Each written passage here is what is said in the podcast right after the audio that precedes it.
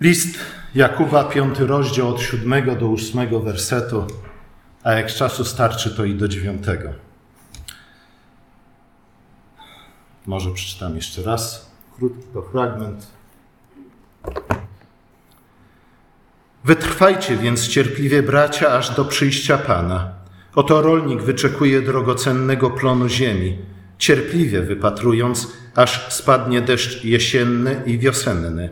I wy także trwajcie cierpliwie i umacniajcie swe serca, gdyż bliskie jest przyjście Pana. Oto Słowo Boże.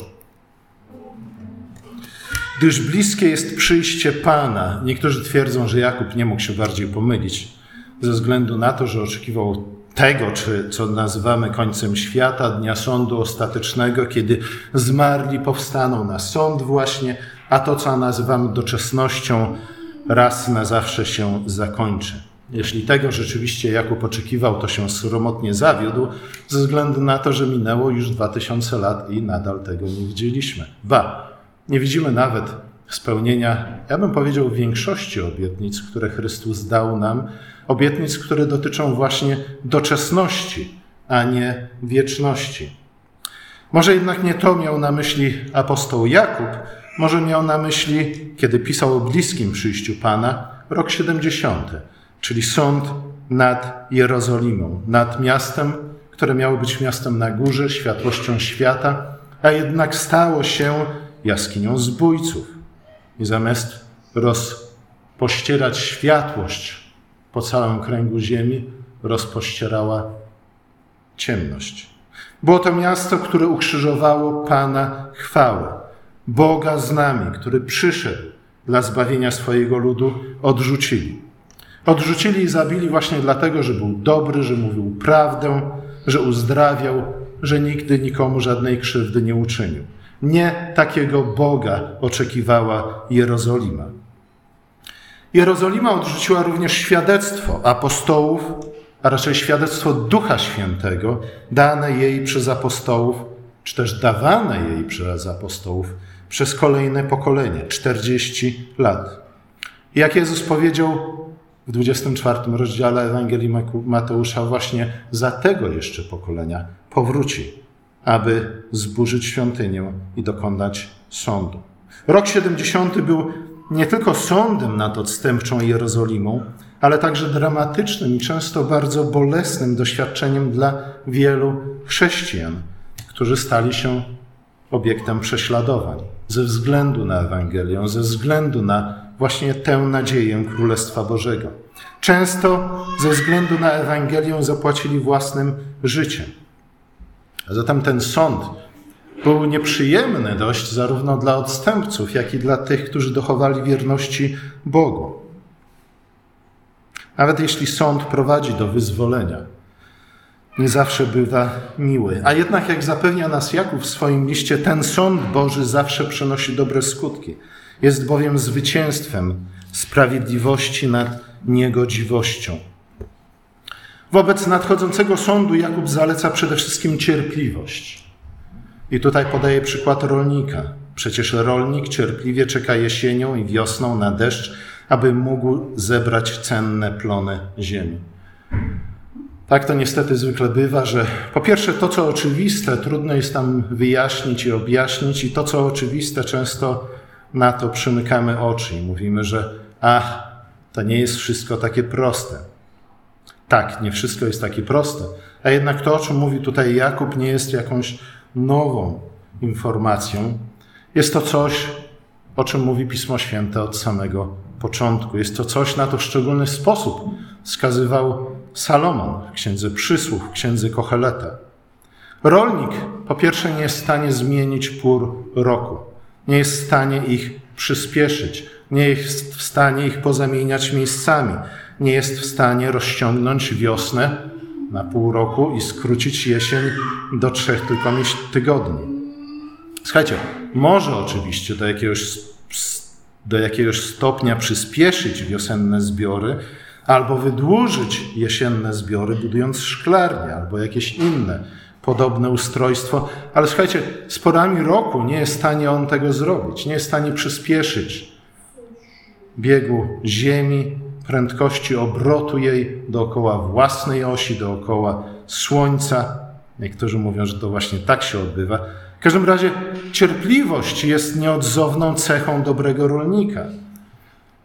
Jeśli rolnik nie wie, kiedy posadzić kartofle, nie będzie jadł kartofli ani wczesnych, ani późnych.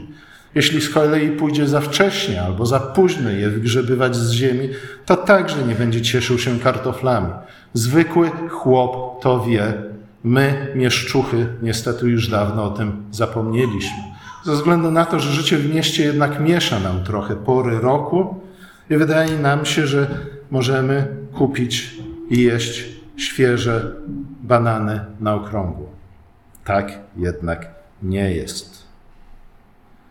Cierpliwość jest nieodzownym elementem, nie tylko, czy też nieodzowną cechą dobrego rolnika, ale cierpliwość jest nieodzownym elementem mądrości jako takiej. Mówi o tym Kohelet. Kohelet, który próbuje nauczyć nas mądrości, której przyjęcia my, jak zwykle, odmawiamy. Kohelet mówi, wszystko ma swój czas, a my na to odpowiadamy, no tak, w związku z tym cóż nam przyszło robić, założyć ręce i czekać cierpliwie na mannę z nieba. Ale nie to Kohelet ma na myśli. Mówi, wszystko ma swój czas. Czas sadzenia kartofli ma swój, sadzenie kartofli ma swój czas i zbieranie kartofli ma swój czas. Ten, kto tego nie pojął, nie jest człowiekiem mądrym, ale jest głupcem.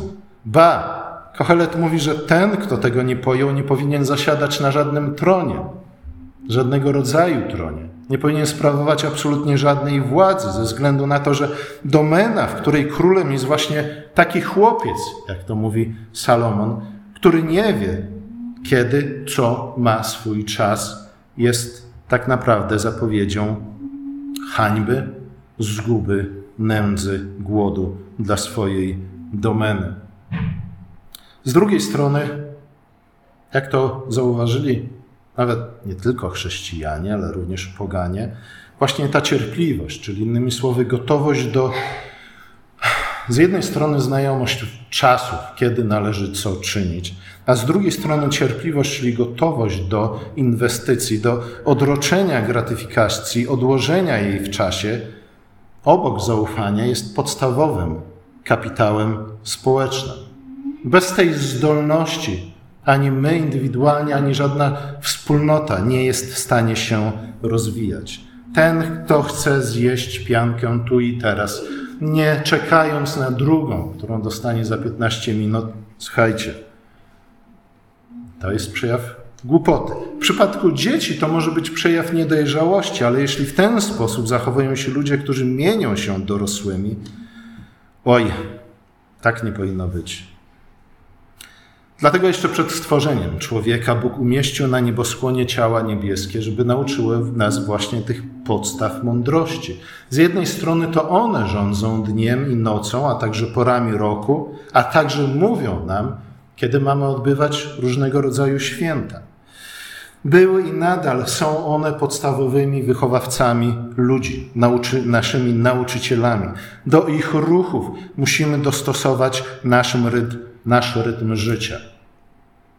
Niestety w którymś momencie wymyśliliśmy elektryczność, może nie wymyśliliśmy, to Bóg ją wymyślił, ale wymyśliliśmy sposób, w jaki sposób przy pomocy elektryczności zmieniać jednak pory dnia, a do jakiegoś stopnia nawet pory roku.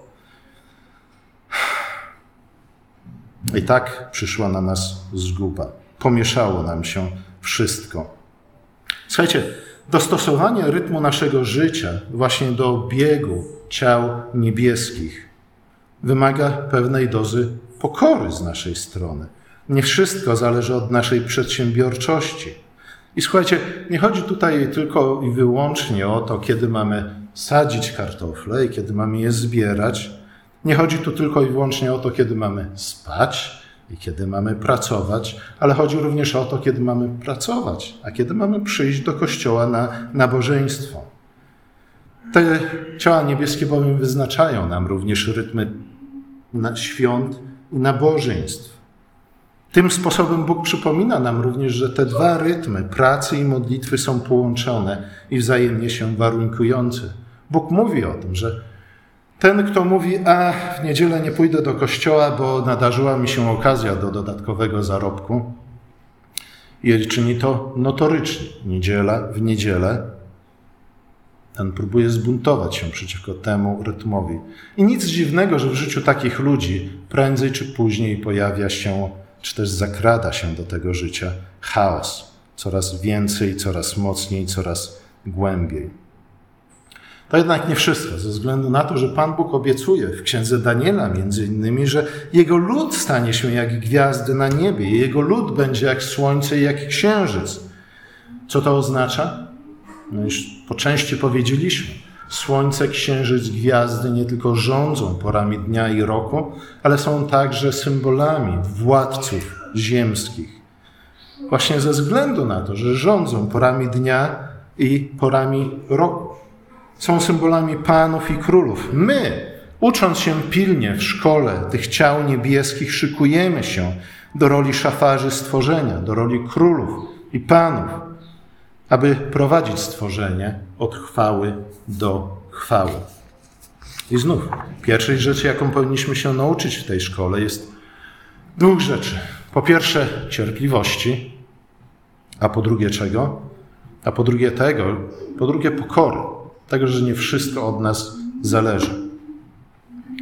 Ireneusz z Lyono zwrócił uwagę na to, że upadek człowieka był podyktowany jego niedojrzałością, w znacznej mierze zatem również brakiem cierpliwości. To bowiem do siebie mają dzieci i źle wytresowane psy również, że brak im jakiejkolwiek cierpliwości. Zobaczą to, coś, zapragną tego i muszą to mieć tu i teraz. A jeśli im się to, tego nie daje, w jaki sposób reagują? Wszyscy dokładnie wiemy.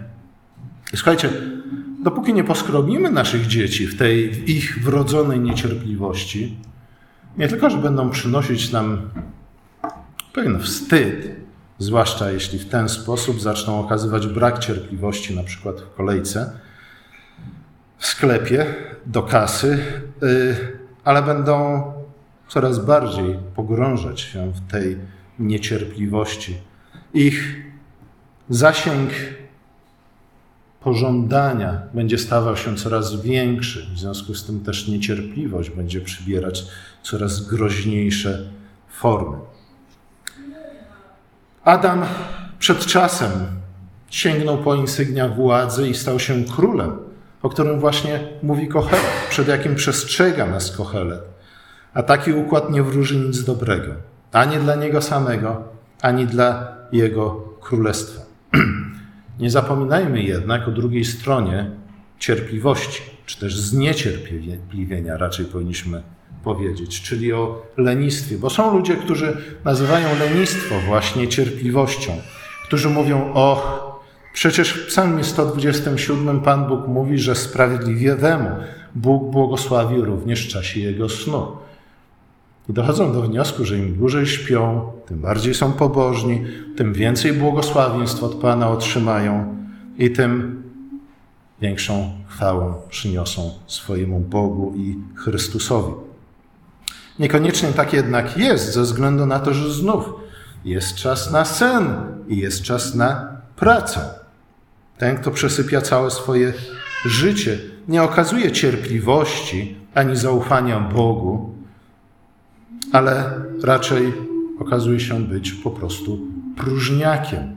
Po prostu, jak to Salomon w przypowieściach nazywa takich ludzi, co wysysają krew z innych, żerują na innych, nie żyją nawet w symbiozie, ale są całkowitymi pasożytami. Jak oni się nazywają? Mrówki? Nie? Oj, musicie wrócić do tej księgi, naprawdę, warto. Zachęcam, polecam. Raz w roku tak naprawdę powinniście wybrać jeden miesiąc, który ma 31 dni i każdego dnia przeczytać jeden rozdział z tej księgi. To naprawdę nie jest trudne. Zwłaszcza jeśli na przykład 5, o 5 minut dziennie ograniczycie czas, który spędzacie gdzie? Nie powiem wam.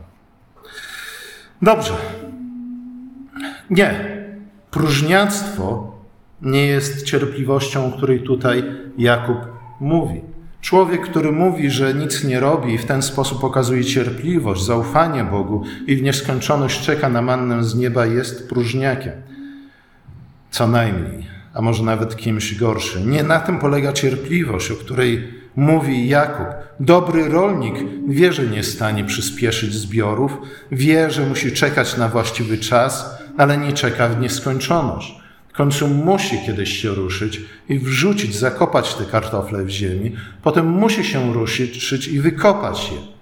Nie ma czegoś takiego jak stoliku nakryj się. Nie, to jest zła i głupia bajka. Takiej bajki nie czytajcie swoim dzieciom, a jeśli już przeczytaliście, to objaśnijcie, na czym polega jej złość i głupota. Czas jest jednym z najcenniejszych darów danych nam przez Boga. Jest talentem, którym mamy mądrze obracać, właściwie używać, a nie bezmyślnie trwonić. Czyli innymi słowy, unikać tego, o czym wiemy, że jest konieczne, co wiemy, że powinniśmy uczynić. Odkładać to na później, na później, na później. Jakie jest ulubione słowo leniwców? Ludzi leniwych. Maniana, maniana. Wszystko jest jutro, jutro, jutro, później, potem. Jak czytamy Księgę Przypowieści, tacy ludzie są naprawdę z jednej strony głupi, ale z drugiej strony bardzo bystrzy, a w zasadzie powinniśmy powiedzieć cwanie, ze względu na to, że są mistrzami w wynajdywaniu usprawiedliwień i wyjaśnień i tak dalej, i tak dalej. Przyjście Boga jest bliskie mówi Jakub. I tak powiedzieliśmy już, co miał na myśli, ale z drugiej strony nie zapominajmy o tym, że e, to przyjście Chrystusa w roku 70 w sądzie nad Jerozolimą i nad świątynią, nad tym odstępczym miastem, które ukrzyżowało Pana chwały, jest pewnego rodzaju archetypem wielu innych i różnych sądów, które spotykają nas w życiu. I tak, są archetypem tego sądu ostatecznego i jego zapowiedzią, ale są, jest także archetypem na przykład naszego osobistego spotkania z Panem, tego prawdziwie osobistego, kiedy przejdziemy z tego życia do następnego. Dzień sądu jest odległy, mówi, nie. Dzień sądu, mówił Jakub, jest rychły i bliski, chociaż niektórzy, niektórym czekać 40 lat okazało się być za długo, ponad ich siły. Ale cóż dopiero miał powiedzieć Abraham, który na spełnienie obietnicy danej mu przez Boga, jak długo miał czekać? Pamiętacie? Z grubsza 10 razy dłużej, 400 lat. Y, także nawet nie do końca przynajmniej w tym ciele i w tym życiu doczekał spełnienia tej obietnicy. Ale właśnie dlatego Abraham jest dla nas również archetypem człowieka wiary, czyli człowieka, który czeka, potrafi czekać i chce czekać na spełnienie obietnic Bożych. To o Abrahamie w liście do Hebrajczyków czytamy, że przez cierpliwość odziedziczył on obietnicę i również my, tylko i wyłącznie przez cierpliwość jesteśmy w stanie odziedziczyć obietnicę. My jednak często obracamy się dookoła siebie, spoglądamy na ten świat, na nasze życie i dochodzimy do podobnego wniosku jak wielu chrześcijan w czasach apostolskich i mówimy: No dobra, ale gdzie jest spełnienie tych obietnic? Gdzie one są? Dlaczego Bóg nam ich jeszcze nie dał? Dlaczego świat nie wygląda jeszcze tak, jak chciałbym, żeby wyglądał? Nam zdaje się, że ten doskonały świat, to Królestwo Boże, to życie w Chrystusie i z Chrystusem jest światem, w którym Przede wszystkim nie trzeba długo czekać na spełnienie życzeń i pragnień. Ale dopóty w ten sposób myślimy o życiu z Chrystusem i o Królestwie Bożym, jesteśmy w błędzie. Jesteśmy jak ci ludzie, o których znów czytamy w liście do Hebrajczyków, o których autor mówi: Słuchajcie, ze względu na czas, a tak dokładnie upływ czasu, powinniście być już nauczycielami. Powinniście umieć, powinniście wiedzieć, powinniście być zdolni do nauczania innych, ale wciąż jesteście jak dzieci. Ze względu na to, że zmarnowaliście cały czas ten czas i do tej pory nie wiecie, która ręka jest lewa i która prawa, jak odróżniać dobro od zła. Jesteście podobni tak naprawdę do Adama, kiedy pochwycił owoc z drzewa poznania przed wcześniej. Bóg przychodzi jednak do nas na wiele różnych sposobów. I każdy z tych sposobów, każde to spotkanie z Bogiem jest w pewnym sensie sądem. Jest czasem oceny, jest czasem ewaluacji, jest okazją do nauki i jest okazją do korekty. Bóg przychodzi do nas każdej niedzieli w słowie i w sakramencie. Może dlatego niektórzy z nas nie chcą spotykać się z Nim w słowie i w sakramencie. Bo to dlatego, że nie chcą być poddani temu osądowi. Nie, to tak jak dziecko w szkole, które zrobi, uczyni wszystko, nawet naje się surowymi kartoflami, po to, żeby uniknąć sprawdzianu, testu albo czegoś podobnego w szkole. A potem, jak mu się nie uda i dostanie, nie wiem, co teraz się dostaje na tych sprawdzianach, dostanie złą ocenę, to co powie? Ach, ach, bo pytania były głupie, bo pani jest, się uwzięła na mnie. Po prostu nie miałem czasu, bo ten program nauczania, nie wiem jaki idiota go wymyślił. Jesteśmy mistrzami w wynajdowaniu wymówek.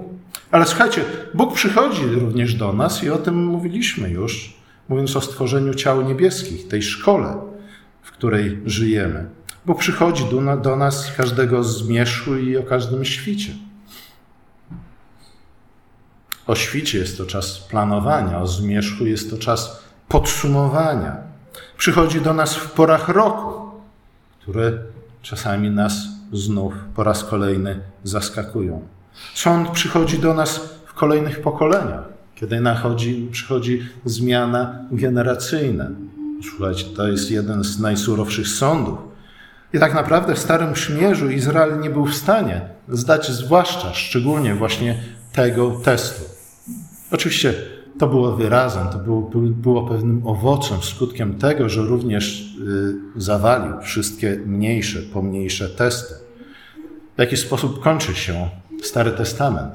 Właśnie w ten sposób, że ojcowie są pożarci z synami, a synowie z ojcami. Zmiany pokoleniowe nie są w stanie przechodzić w sposób płynny i miły dla każdego. Jezus przychodzi i mówi, że dokładnie to odwróci, sprawi, że jedno pokolenie przychodzące za kolejnym, ta zmiana nie będzie już rewolucją za każdym razem, ale będzie kontynuacją i dlatego będzie przynosić prawdziwy postęp i rozwój i progres. Oczywiście sąd przychodzi do nas na łożu śmierci. Każdy taki znacznik czasu jest dla nas w pewnym sensie przyjściem Pana, sądem Bożym, czasem oceny, okazją do nauki i o korekty. Nie zapominajmy jednak, że Pan Bóg przychodzi do nas właśnie e, w tych znacznikach czasu jako kochający ojciec, jako mądry wychowawca, jako ten, który nas kocha, jako ten, który ocenia, nas, to prawda, inaczej niż wiele szkół w obecnych czasach, które rezygnują z ocen, mówiąc, że to będzie o wiele lepsze dla dzieci. Pożyjemy, zobaczymy. On ocenia nas nie po to, aby nas poniżyć i pognębić, ale po to, żeby nas zdopingować i umocnić. Powinniśmy również o tym pamiętać. Pamięć o tym pozwoli nam nie uciekać, nie ukrywać naszych błędów, naszych niedomagań, naszych felerów, nie szukać wymówek ciągłych, ale właśnie wykorzystać tę okazję do tego, żeby nauczyć się czegoś nowego, aby drugi raz zrobić to już lepiej. On przychodzi do nas, abyśmy wzrastali w mądrości, abyśmy stawali się coraz bardziej podobni do Chrystusa, naszego starszego brata, który stał się dla nas zarówno źródłem, jak i dokończycielem, sprawcą naszego zbawienia właśnie poprzez cierpliwość. Również o tym mówi list do Hebrajczyków, który z grubsza podejmuje ten sam temat, który znajdujemy w liście Jakuba. Jak żyć kiedy czekamy już niemalże całe pokolenie na przyjście Pana, na pełnię królestwa i ono jeszcze nie nadeszło. Dlatego ludziom zaczęło brakować cierpliwości. I w tym kontekście znów autor listy do Hebrajczyków mówi: spójrzcie na Abrahama. I nie patrzcie na Abrahama jak na jakiś odległy ideał. Nie, raczej patrzcie na Abrahama, a także innych bohaterów wiary, jako na przykład ludzi, wielu ludzi, którzy właśnie poprzez cierpliwość odziedziczyli obietnicę. I teraz przychodzi ostatni werset którego nie ma w dzisiejszym czytaniu, czytaniu, ale być może warto do niego zajrzeć krótko. Nie uskarżajcie się, bracia, jedni na drugich, abyście nie byli sądzeni. Słuchajcie, tak bowiem jest, że tak, jesteśmy albo leniwi, albo niecierpliwi i rzeczy nie idą całkiem do końca po naszej myśli. Wtedy rodzi, się w naszym sercu co? Frustracja, tak zwana. A frustracja wydaje jaki owoc? Gniew i goryczy. I oczywiście głupio nam przyznać się do własnej winy i powiedzieć, że ach, mogłem jednak trochę bardziej się postarać, mogłem może ograniczyć czas, który marnuję każdego dnia na tak zwaną rozrywkę i odpoczynek.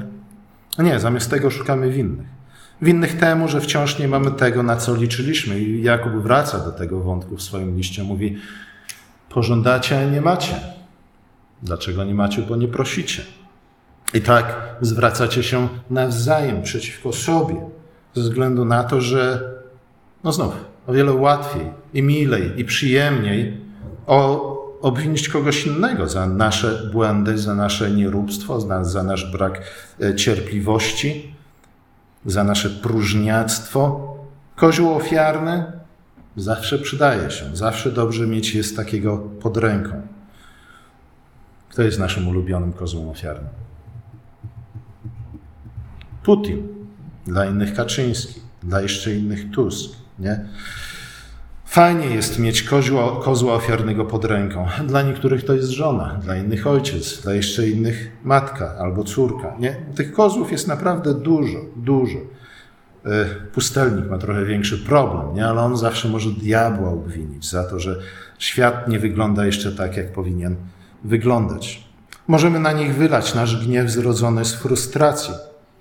I słuchajcie, wobec brutalności faktów życia. Kusi nas zawsze, żeby odegrać się na kimś albo uciec w odrealniony świat pobożnych życzeń. Ale nie o to chodzi w chrześcijańskim życiu. Nie na tym polega chrześcijańska cierpliwość. To pokazuje tylko, jak trudno przychodzi nam pogodzić się z tym, że świat i historia niekoniecznie toczą się według rytmów i wzorów, które my sami uznalibyśmy za satysfakcjonujące. Ale jeśli tak czynimy, to tak naprawdę jest to potwarz, którą czynimy Bogu. Ze względu na to, że jest to tylko przejaw, brak przejawu, e, nie, przejaw braku wiary i cierpliwości, ale jest to również dowodem pychy i arogancji które twierdzą, że urządziłyby świat lepiej niż sam Bóg. Tak naprawdę jest to atak na porządek stworzenia. Jest to frustracja z tego powodu, że Ziemia kręci się za szybko albo za wolno wokół własnej osi, wokół Słońca, że pory roku następują nie tak jak trzeba. Wszystko jest nie tak. Ale co tak naprawdę, co wiemy o złej baletnicy, co jej najbardziej przeszkadza. Koniec końców może się okazać, że właśnie ten, co, co, co, co przeszkadza baletnicy złej? Rąbek spódnicy, nie? Koniec końców uważajmy, żeby przypadkiem z powodu naszej niecierpliwości albo nie lenistwa cały ten świat, porządek stworzenia, dobry dar Boga nie okazał się dla nas takim rąbkiem spódnicy.